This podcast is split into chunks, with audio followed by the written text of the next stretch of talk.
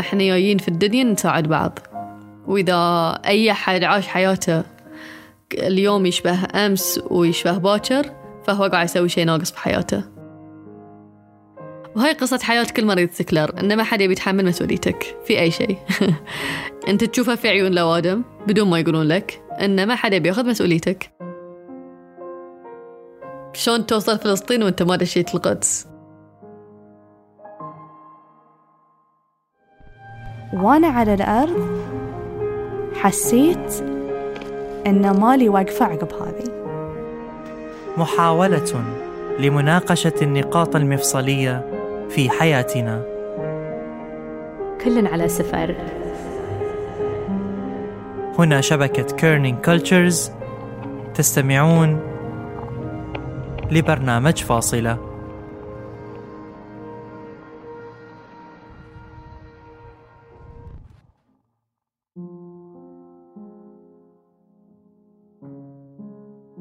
شنو بتكون ردة فعلك لما يرسم لك القدر مسار حياتك قبل ولادتك؟ والطبيعة تكون ضدك حتى في لحظات طفولتك. وتتذكر مواقف كنت فيها منبوذ بسبب شيء ما كان في يدك. شنو بتكون ردة فعلك لما تتألم لا إراديا؟ لما تكون مقيد؟ لما تكون شخص كتب عليه الابتلاء.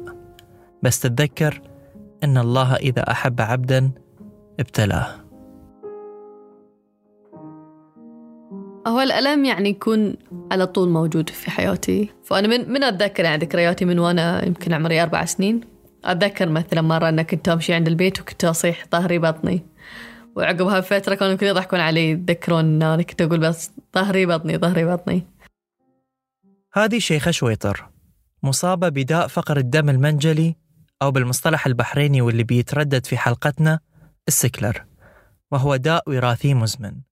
السكلر هو عبارة عن كريات الدم الحمراء بدون ما تكون دائرية تتشكل في أشكال فأي شيء يعرض العروج حق آه، انهم يتقلصون أو يتوسعون يأثر بشكل مباشر على السكلر.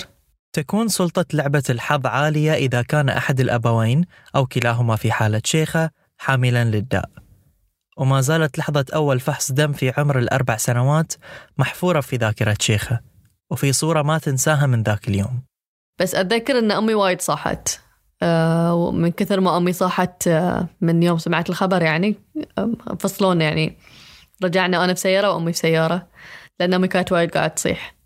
فعقب يعني عقب فترة أو عقب سنين يمكن عرفت أن هاي اليوم اللي هي اكتشفت أن أنا فيني سكلر. لكل مصاب سكلر حالته الخاصة ولكل انتكاسة مسبباتها المختلفة. أنا بالنسبة لي أكثر شيء يسبب لي الانتكاسة أو الألم هو الالتهابات. إذا كنت مسخنة إذا كان فيني شيء الالتهاب في الدم يتحول إلى سكلر في دمي أنا على طول. الحين السكلر هو يجيك لما هو يبيك. ما في يعني شيء يقول له والله الحين بي ولا الحين ما بي يعني أنا الحين فيني ألم السكلر. صايدني الحين من يومين.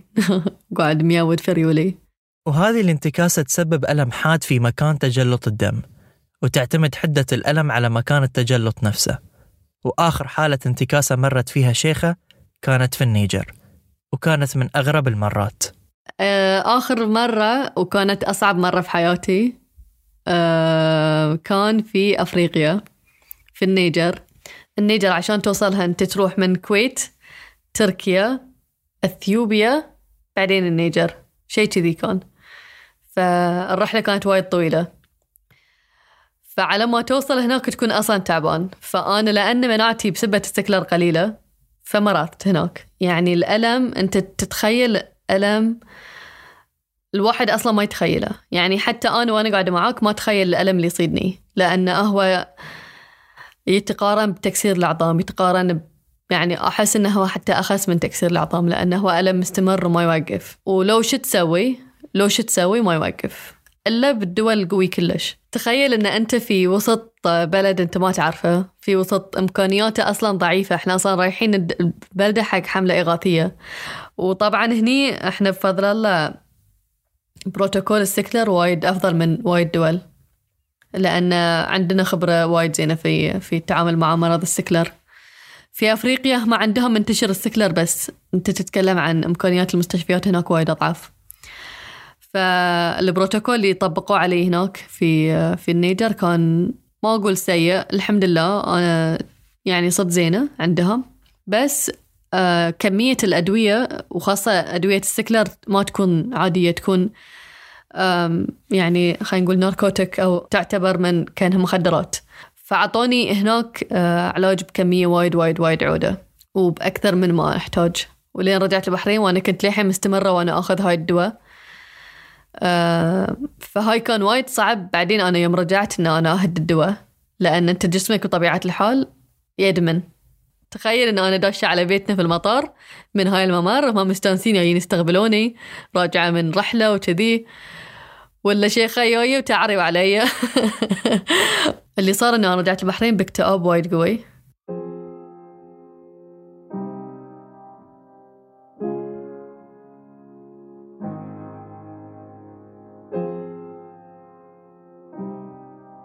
يعيش المصاب بالسكلر في دوامة. إصابته بالداء وراثية. علاج انتكاساته الجسدية الوحيد أدوية مخدرة. والعلاج ضروري لكن يصاحبه آثار نفسية ممكن تكون مدمرة. وعلى هالحال يظل المصاب في هالدوامة طول حياته.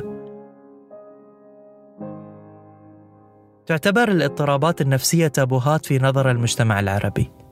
ويؤدي هاي الموضوع إلى صعوبة عيش المصاب بالسكلر بسلام. لكن شيخة عندها رأي ثاني. أعراض انسحاب كأنها صارت وقعدت فترة يعني أتعالج عن الاكتئاب اللي صادني عقب رحلة النيجر. ف لأن أنت دائما تأخذ هاي الأدوية فأنت دائما معرض حق هاي الشيء. وهاي جانب من السكلر يمكن مو بوايد واضح بس الأدوية وايد صعبة مو بسهلة على الواحد. الواحد لازم يعرف هو شنو طبعه ويفهم روحه عدل عشان لو صار في تغير في نفسيته كان وايد سلبي وهو مو بعارف مصدره. لا يعرف هو أصلا مو طبيب نفسي عشان يميز نفسه. بس لازم يميز إنه هو في مشكلة. فأول علاج حق أي مشكلة قاعد تصيدك خاصة المشاكل النفسية إن أنت تعرف إن فيك مشكلة وت- وتقر. و... وعادي إن أنت تروح تسأل أحد ابتدي بالناس القريبة بالنسبة لك. كلم أحد تحس إنه هو بيتقبل يقول لك آراء مو تقليدية يعني في ناس بيقولون لك أنت يمكن لأن أنت مبتعد عن الله أو ما تصلي أو يعني كذي. أنت لازم تروح حق أحد يعرف إنه في أمور روحية وفي أمور دينية وفي أمور عضوية. بعض الأمراض النفسية مو بكلها. على حسب على حسب نوع المرض هو هو اللي يعاني منه الشخص. لو تكلمت عنه من اليوم لباكر لو عالجت نفسك بال بالكتب وبتنمية الذات وبالرجوع حق الله بتساعد نفسك في كل شيء إلا في المرض نفسه ما بتعالجه. الأمراض النفسية تبي لها علاج نفسي يكتبها لك مختص نفسي. إذا هو قال لك أنت محتاج تسوي ال- الأشياء المعينة وبتصير زين فهو قال لك مو بأنت خذيت القرار. وإذا هو قال لك أنت محتاج دواء فأنت تحتاج دواء. لأن بدون الدواء أنت ما بتصير زين.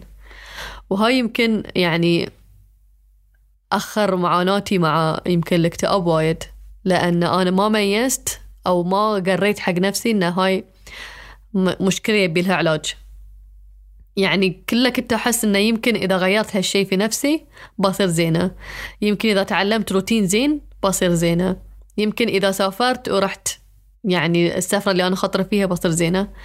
بس هو كان محتاج علاج عشان أصير زينة. لكن إصابتها بالاكتئاب بعد رحلة النيجر ما كانت التجربة الوحيدة. تجربتها الثانية كانت تمر أبطأ واستمرت لسنتين. ولأن شيخة قدرت أنها تكسب الوعي الكافي للعلاج أثناء أي انتكاسة في تجربتها السابقة قدرت تتغلب على الاضطراب مرة ثانية. المرة الثانية كانت وايد بطيئة. ما كان في مشكلة. ما كان في مثلا تغيير في حياتي. ما كنت مثلا مرة بتجربة صعبة. بالعكس كانت حياتي طبيعية. بس شوي شوي كنت أفقد رغبتي في أن أنا أحب الأشياء اللي أنا أحبها عادة. يمكن كان في أسعد أيام حياتي. يعني كنت في رحلة كانت على ثلاث دول وكنت أشوف الدنيا وكانت سياحة ومفروض أن أنا كنت في أسعد حالة أنا ممكن أكون فيها. كنت في أسوأ حالة نفسية أنا مريت فيها وهذه مو وضعي الطبيعي أن أنا مو سعيد أنا إنسان سعيد أغلب وقتي يعني. فكنت في في وضع أن أنا في في أحلى مكان في العالم بس وايد وضعي سيء نفسيا وايد حزينة وايد أحس إن أنا كأنه بروحي تتغير نظرتي حق نفسي ثقتي بنفسي. فأول ما ميزت إن أنا فيني ذي المشكلة رحت حق دكتور. أه، وقلت له دكتور أنا أعرف إن هاي مو بأنا. أه، أنا أمر في في مشاكل بدون ما يكون عندي سبب أو يعني مشاكل نفسية بدون ما يكون عندي مشكلة حقيقية. فالحمد لله يعني أنا خذيت رحت حق دكتور نفسي وأعطاني كورس علاج والحمد لله. يعني النوم فرق آه، الراحة فرقت. آه، شغلي فرقت فيه. التركيز أنا كنت وأنا اسوق ما أركز يعني لهالتفاصيل يعني ت- ت- تدش في حياتك ال- الاعراض آم، توصل المكان وأنت ما تعرف شلون وصلت وأنت تسوق. آه، الفوكس معدوم. أنت ت- تقرأ شيء ما ما ما تستوعبه. إلا عقب ما كملت الكورس صرت أنجز أقرأ أركز. وايد وايد أشياء تغيرت.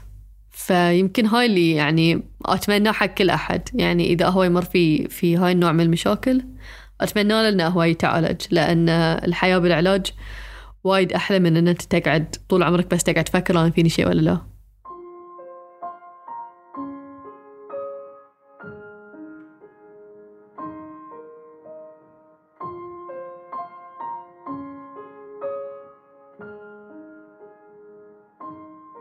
وتستمر معاناة المصاب بالسكلر لما تتراكم عليه الأسباب. وكأن الانتكاسات اللي يمر فيها مو كافية. يتعرض لكل أنواع النبذ في المجتمع. من المعاملة الخاصة في المدرسة للفرص الضائعة وعدم قبوله لما يقدم لوظيفة معينة بسبب بين قوسين المرض المزمن. في المدرسة مثلا أبي أسجل مثلا في الكشافة. هل في أعراض مزمنة؟ إي سكلر أوكي خلاص ما تدشين زين ما ما شغل يعني تبي تودوني أسوي تحية العلم إيش له علاقة بال- بالسكلر يعني؟ آه فطول عمري في هاي المعاملة فرقت. في كل شيء أي قرار أنا كنت أبي أسويه حتى لو شغل. أول شيء يسألونك هل أنت فيك أمراض مزمنة أو لا؟ وطبعا دي يأثر على اختيارك أو عدم اختيارك. حتى مرة سجلت حق واحد من البرامج الشبابية.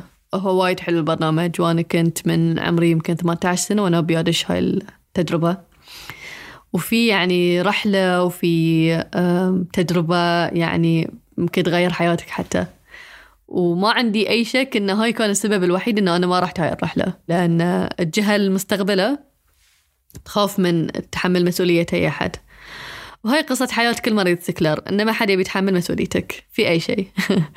يعني أنت تاخذ أنت تشوفها في عيون الأوادم بدون ما يقولون لك إن ما حد يبي ياخذ مسؤوليتك. ومع السنين تكونت عند شيخة قناعات عديدة وفهمت أن مسار حياتها بيكون بهذا النمط للأبد وتحملت مسؤولية نفسها بنفسها. وهي حياتك بالنسبة لي هو الطبيعي. ما شفت شيء طبيعي عشان أحس هو مو طبيعي. فبالنسبة لي هاي balance حياتي هو أصلا. تقول شيخة بأن قرارات المصاب بالسكلر أثناء الانتكاسة ما ينلام عليها. لكن اللوم لما هالشخص ما يستثمر وقته بالقرارات الصح أثناء صحته.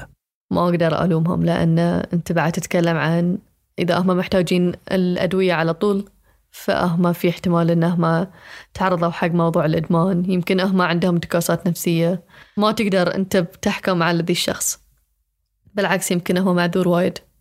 الحين ممكن هي تكون القوة مو في إن هم يسلمون أمرهم حق المرض. زين وهم في المستشفى قاعد يسوون؟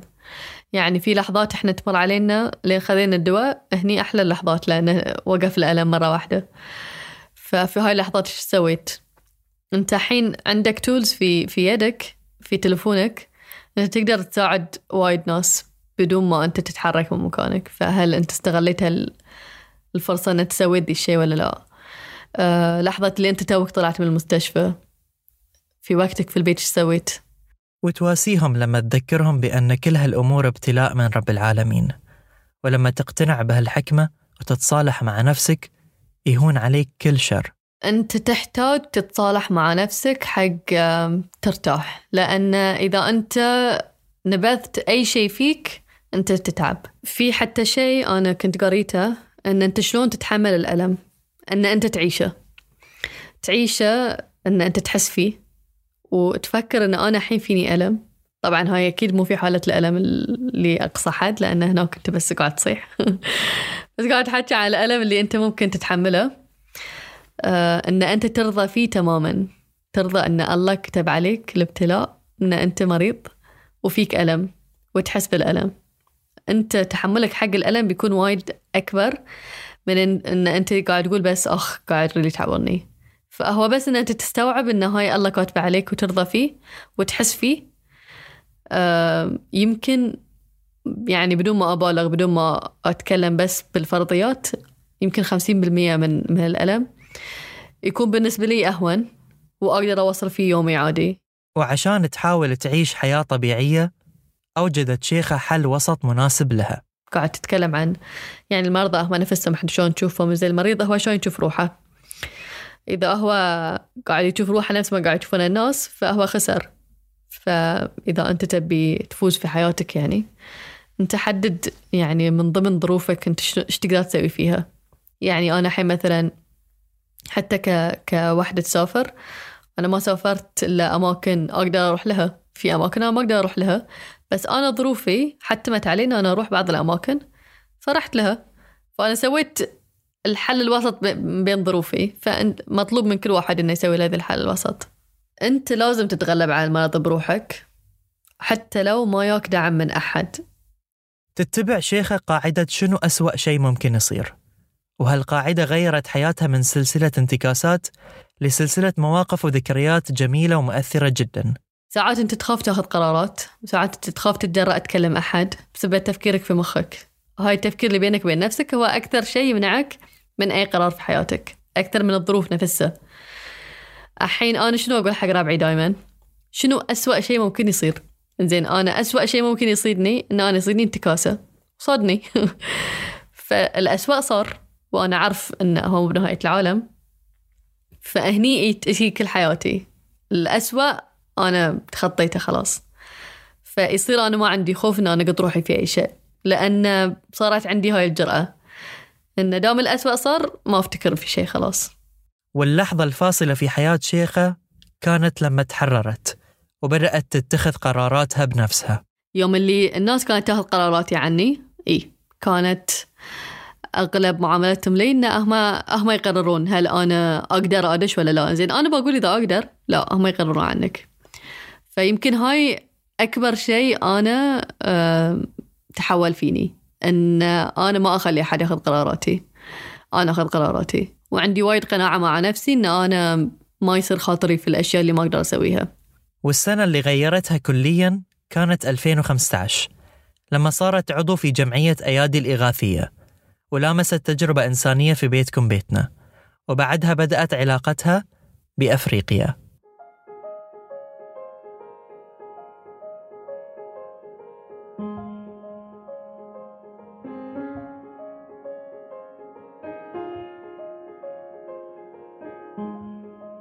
2015 هاي أكبر يعني خلينا نقول نقطة تحول في حياتي. أن أنا آه، لمست تجربة إنسانية وهذه بعد كانت صدمة ونقطة تحول ويعني تغيير أسلوب الحياة كامل من شيخة يعني مسكينة ما بندخلها لي شيخة راحت وجافت فرجعت أنا من دفعة وعندي قناعة مية بالمية وما عندي أي شك فيها إن الله خلقنا حق بعض. إحنا جايين في الدنيا نساعد بعض. وإذا أي أحد عاش حياته اليوم يشبه أمس ويشبه باكر فهو قاعد يسوي شيء ناقص بحياته هاي كلها يعني رزق من الله وإحنا قاعد نضيعه. الله قاعد يقول لنا لتعارفوا. فإحنا يعني التعارف مو بس إن أنا أقول لك السلام عليكم أنت شو اسمك؟ أبي أعرف حياتك أبي أعرف أنت شنو ناقصك وأنت بعد اسأل عني شوف شنو ناقصني وساعدني. كل واحد ناقصه شيء ما في أحد كامل. والشخص اللي أنت قاعد تساعده اليوم يمكن هو عنده شيء أنت ما عندك إياه. بس من دور الشخص اللي أنت قاعد تساعده إنه هو يساعدك. فأنا يعني أنا إيماني مو بأن الواحد لازم يعطي كل اللي عنده وبس. لا بعد لازم تاخذ أنت في نفس الوقت. يعني أنا إذا بساعد أحد حتى لو بسافر أفريقيا أنا أروح عشان روحي في النهاية لأن أنت اللي تحصله من هناك هو تجربة وتحصل هدف في حياتك. وإنك تكون عندك هدف في حياتك هو يمكن أكبر نعمة. فهم اللي يعطونك ذا الشيء أنت بدونهم ما عندك هاي النعمة. لكن وجهة نظر شيخة تقول إن كل إنسان يحب نفسه. أنا أحس كل إنسان سلفش ما حد يقدر يقول أنا مو بسلفش كل واحد يحب روحه وكل واحد يبي حق روحه الشيء الزين أنا ممكن أسافر أي سفرة. أروح أي ديرة وأروح سياحة. فهاي سلفش لأن أنا رحت سياحة. زين أنا ممكن أروح بنفس التكاليف حق رحلة أنا أساعد فيها ناس. آه، وبعد أكون سلفش ليش؟ لأن أنا أبي الأجر. لكن هذا ما يمنعها من لذة العطاء. وتحولت لإنسانة تعطي بحب وشغف من كل قلبها. لأن أنت تعطي هاي يمكن يعني أكبر إدمان في حياتك. الشعور اللي أنت تحصله إذا تعطي أحد ما في مثله شعور. مستحيل. أن أنت تحس رفعت معاناة أو رفعت حاجة شخص كأن تحس روحك يعني الله مطرشك حق هاي الشخص. كل واحد محتاج طاقة إيجابية في حياته. وما في طاقة إيجابية بتحصلها من أي شيء أكثر مما أنك تساعد شخص. ومحبتها للعطاء تساوت مع محبتها للناس. للبساطة للحقيقة وللجمال. يعني 2015 هي جيبوتي. الرحلة ذي عرفتني على وايد ناس. الحين أنا مثلا من حياتي تعرفت فيها على حسن حريري اللي رحت بعدين زنجبار بسبت بسبته. تعرفت على فجر ورشا وهذين اللي هم لهم علاقة بفلسطين. تعرفت على نادية. تعرفت على يعني هاي الأشخاص كلهم كانوا بعدين في حياتي جسر حق يعني شيء ثاني. أنا أحب الناس.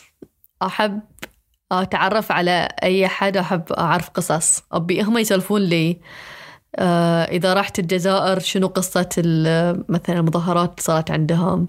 إذا رحت مثلا موريتانيا شنقيط وشنو شلون هي في آخر أفريقيا بس هي يعني موريتانيا بلد المليون شاعر مثلا. آم، هاي الأشياء اللي أنا أحب أشوفها. فأنا أحس هاي التجارب ما تعيشها في في دول آه، العالم لأن هي كلها مدن. مثلا إذا قلت لندن لندن مدينة مع أن الناس يعني تختلف معي أنا أصلا ما رحت لندن. بس أنا أشوف روحي في دول أفريقيا الدول الأفريقية فيها طابع الأرض اللون البيج البني التراب آه، الصحراء. آه، الناس الطيبة شلون تعاملهم مع الغرب الكرم آه، فيهم كرم ما في في العالم كله. والرضا يعني الرضا هناك عندهم والكرامة أهم من أي شيء ثاني. أنا أعيش في وسط الصحراء في في أخشاب بس لأن هذه أرضي وأرض أبوي. أنا مو مضطرة أروح المدينة حق أشتغل لأن أنا راضي باللي فيه. هذه كانت ردة فعل شيخة للسكلر إنها تسافر لكل دول العالم وتتعرف على الأصالة فيها حتى لو كان الوصول لها صراع آخر. فإذا بروح مكان أبي أروح مكان أنا بعيش فيه تجربة وايد خاصة. أه، أحب الدول اللي تعرضت حق أي نوع من التغييرات الجذرية. مر عليها حرب وراح مر عليها حتى لو كان لحم موجود. فلسطين.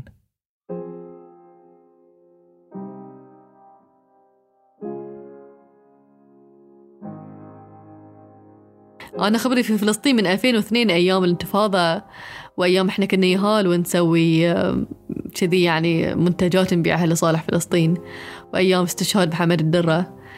ومن يومها وأنا ما أعرف ولا ولا إيش قاعد يصير في فلسطين ولا شيء ولا شيء.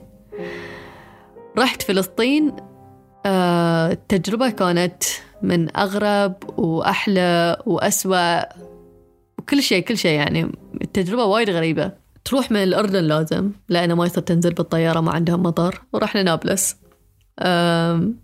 وهناك شفت فلسطين أول مرة. من عقب أسبوع أه، ودونا المدينة القديمة وشفنا يعني ال ال- ال- الدواعيس مالت فلسطين اللي نفس ما تتخيلها. أه، شفنا شلون حياة المخيمات الفلسطينية. اللي شلون الواحد في وسط بلده لاجئ. المباني اللي كأنهم دومينو يعني هم لو واحد يندز الكل يطيح لأنه ما فيهم حتى أساسات هي مخيمات مؤقتة بس صار لهم تقريبا 60 سنة عايشين فيها. مخيمات ضيقة و... وما فيها تهوية وما فيها شمس لدرجة إن إذا الميت يموت عندهم السعف ما يدش له. لازم ينشال ال- الميت على الكتف ويطلعون فيه لأنه ما في مكان يطلعون فيه. ودمعت شيخة لما قالت شلون توصل فلسطين وأنت ما دشيت القدس؟ يعني هاي يمكن كان أصعب شيء في في الموضوع لأنه صار في عملية استشهادية وإحنا هناك أو قبل نروح بكم من يوم. فنزلوا بوابة آه، إلكترونية أول مرة في تاريخ فلسطين على القدس أو على مسجد الأقصى يعني. فإحنا ما قدرنا إن إحنا نروح حتى تجريب يم آه، القدس لأن كانت المدينة كلها في حالة استنفار يعني. فسمعت قصة القدس في في فلسطين. فأنا هاي اللي اللي أنا أحبه إن أسمع عن تاريخ الدولة فيها من أهلها.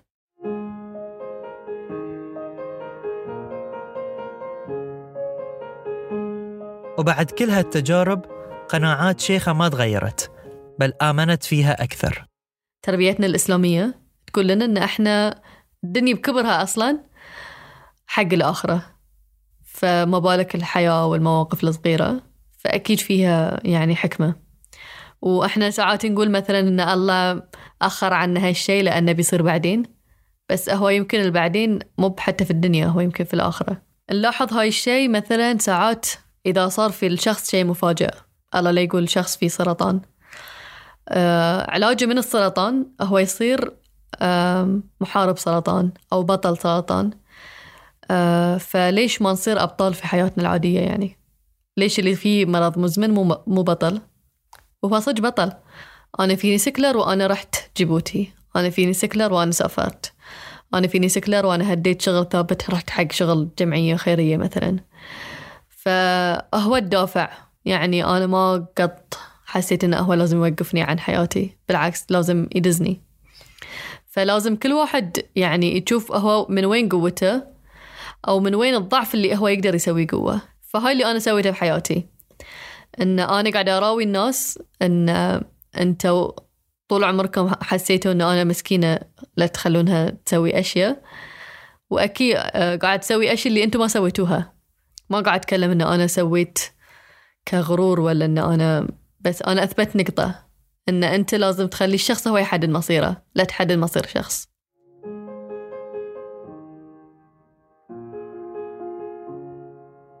وتذكرون رحلة النيجر اللي انتكست فيها انتكاسة أدت للاكتئاب؟ ما كانت كلها مصايب. كان فيها تجربة إنسانية جميلة جدا. فأنا صرت آه، ممرضة. يعني هاي في حياتي ما أتوقع بمر في هاي التجربة مرة ثانية. فكنت أروح من الصبح وتركت كل الزيارات الرسمية مع الوفد وقلت لهم بس أنا بتم في المستشفى بساعد لأن هاي فرصة ما أظن بحصلها مرة ثانية. كنا نعقم المرضى قبل العملية ونحط لهم البندج عقب العملية. فهاي كان أحلى شيء مريت فيه في أي سفرة في حياتي. ولما رجعت كانت والدتها وطن وسند لها كعادتها. شو دمي ماصية كلمة في البيت ما حد يكلم شيخة ليش؟ لأن آه هي بروحها اللي فيها مكفيها وهي رايحة تسوي شيء خير. وهي لو كانت في البحرين بيصيدها اللي بيصيدها ولو كانت في أفريقيا بيصيدها اللي بيصيدها. فبتم هي تسافر وبتم تسوي اللي تسوي وأنتم مالكم شغل فيها ولا حد يكلمها ويزيد عليها. وحياة مصاب السكلر ما تخلى من الدراما. سمع شنو صار حق شيخة في البرتغال؟ في البرتغال آه، طبعا إحنا رايحين والحين قاعد نلف الدنيا وكذي. فجأة ولا أنا مريضة قعدت من الرقاد في الليل ولا أنا خلاص الألم يبي له مستشفى لو سيلان وأدوية وكذي وأرجع. قعدت أمينة من الرقاد أول شيء. قلت لها أمينة أنا مريضة قومي. فأمينة حاطة في بالها إن إحنا الصبح عندنا رحلة بنروح آه، سياحة. فقاعد تقول إن للحين في الليل يعني للحين ما صار وقت الرحلة. خلينا نرقد الحين باكر بشوفك قلت لها أمينة أنت الحين قومي برزي تقول لي شيخة للحين ما صار الوقت يعني أبرز حق شنو؟ وللحين هي راقدة ما مو مستوعبة. قلت لها أمينة أنا مريضة قومي.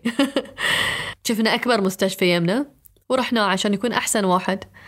طلع لنا هو مستشفى أثري بس هم ماخذين الأثري يعني زيادة عن اللزوم. رحنا المستشفى اللي الحين بيعطوني سيلان في الطوارئ مالهم ولا إحنا كلنا قاعدين على كراسي والسيلان هو في في معلاق فوقنا. قعدت خذيت سيلاني و...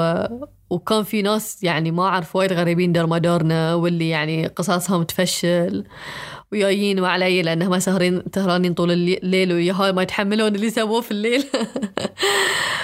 آه فطبعا مسكينة أمينة كانت بس كلها قاعد يلحقون هالناس اللي في المستشفى ويقولون لها نبي ماي نبي أكل نبي ماي.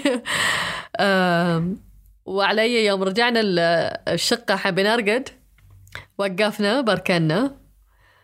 ولا يطلع ان إحنا مبركنين بعد في مكان غلط. يعطونا مخالفة بعد 100 يورو. وطلعت علينا علاجي وسالفة المرض دي كلها أغلى من بيع السوق يعني ما يسوى علينا كان.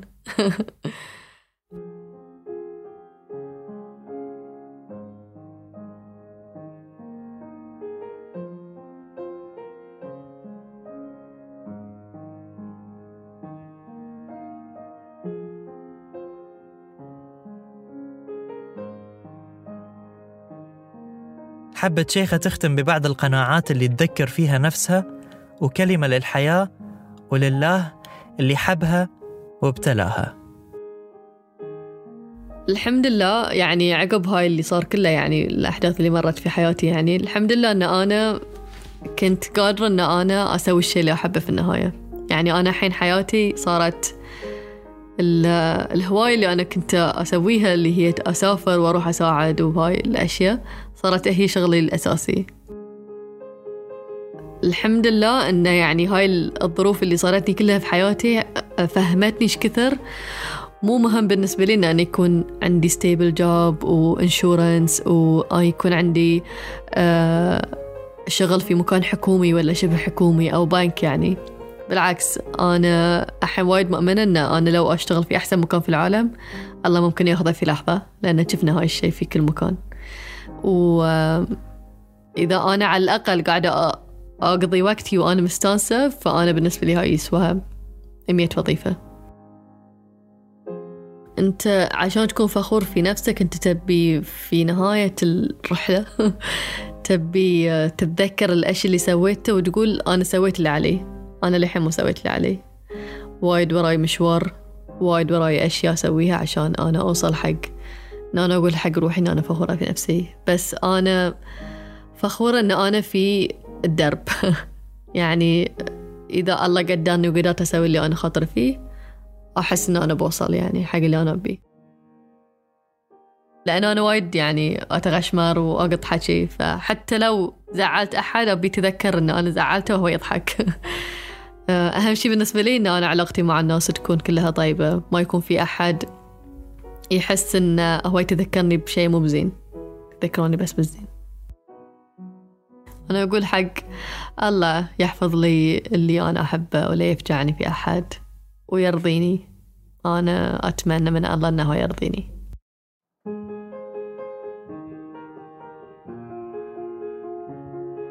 كانت هاي الحلقة الثانية من فاصلة. من إعدادي وتقديمي أنا محمد جعفر تحرير زين البستقي الهوية البصرية من تصميم هاجر الدغيمي والتأليف الموسيقي لكوثر مصطفى. وشكر خاص لنوراء العلوي على المساعدة في الإعداد.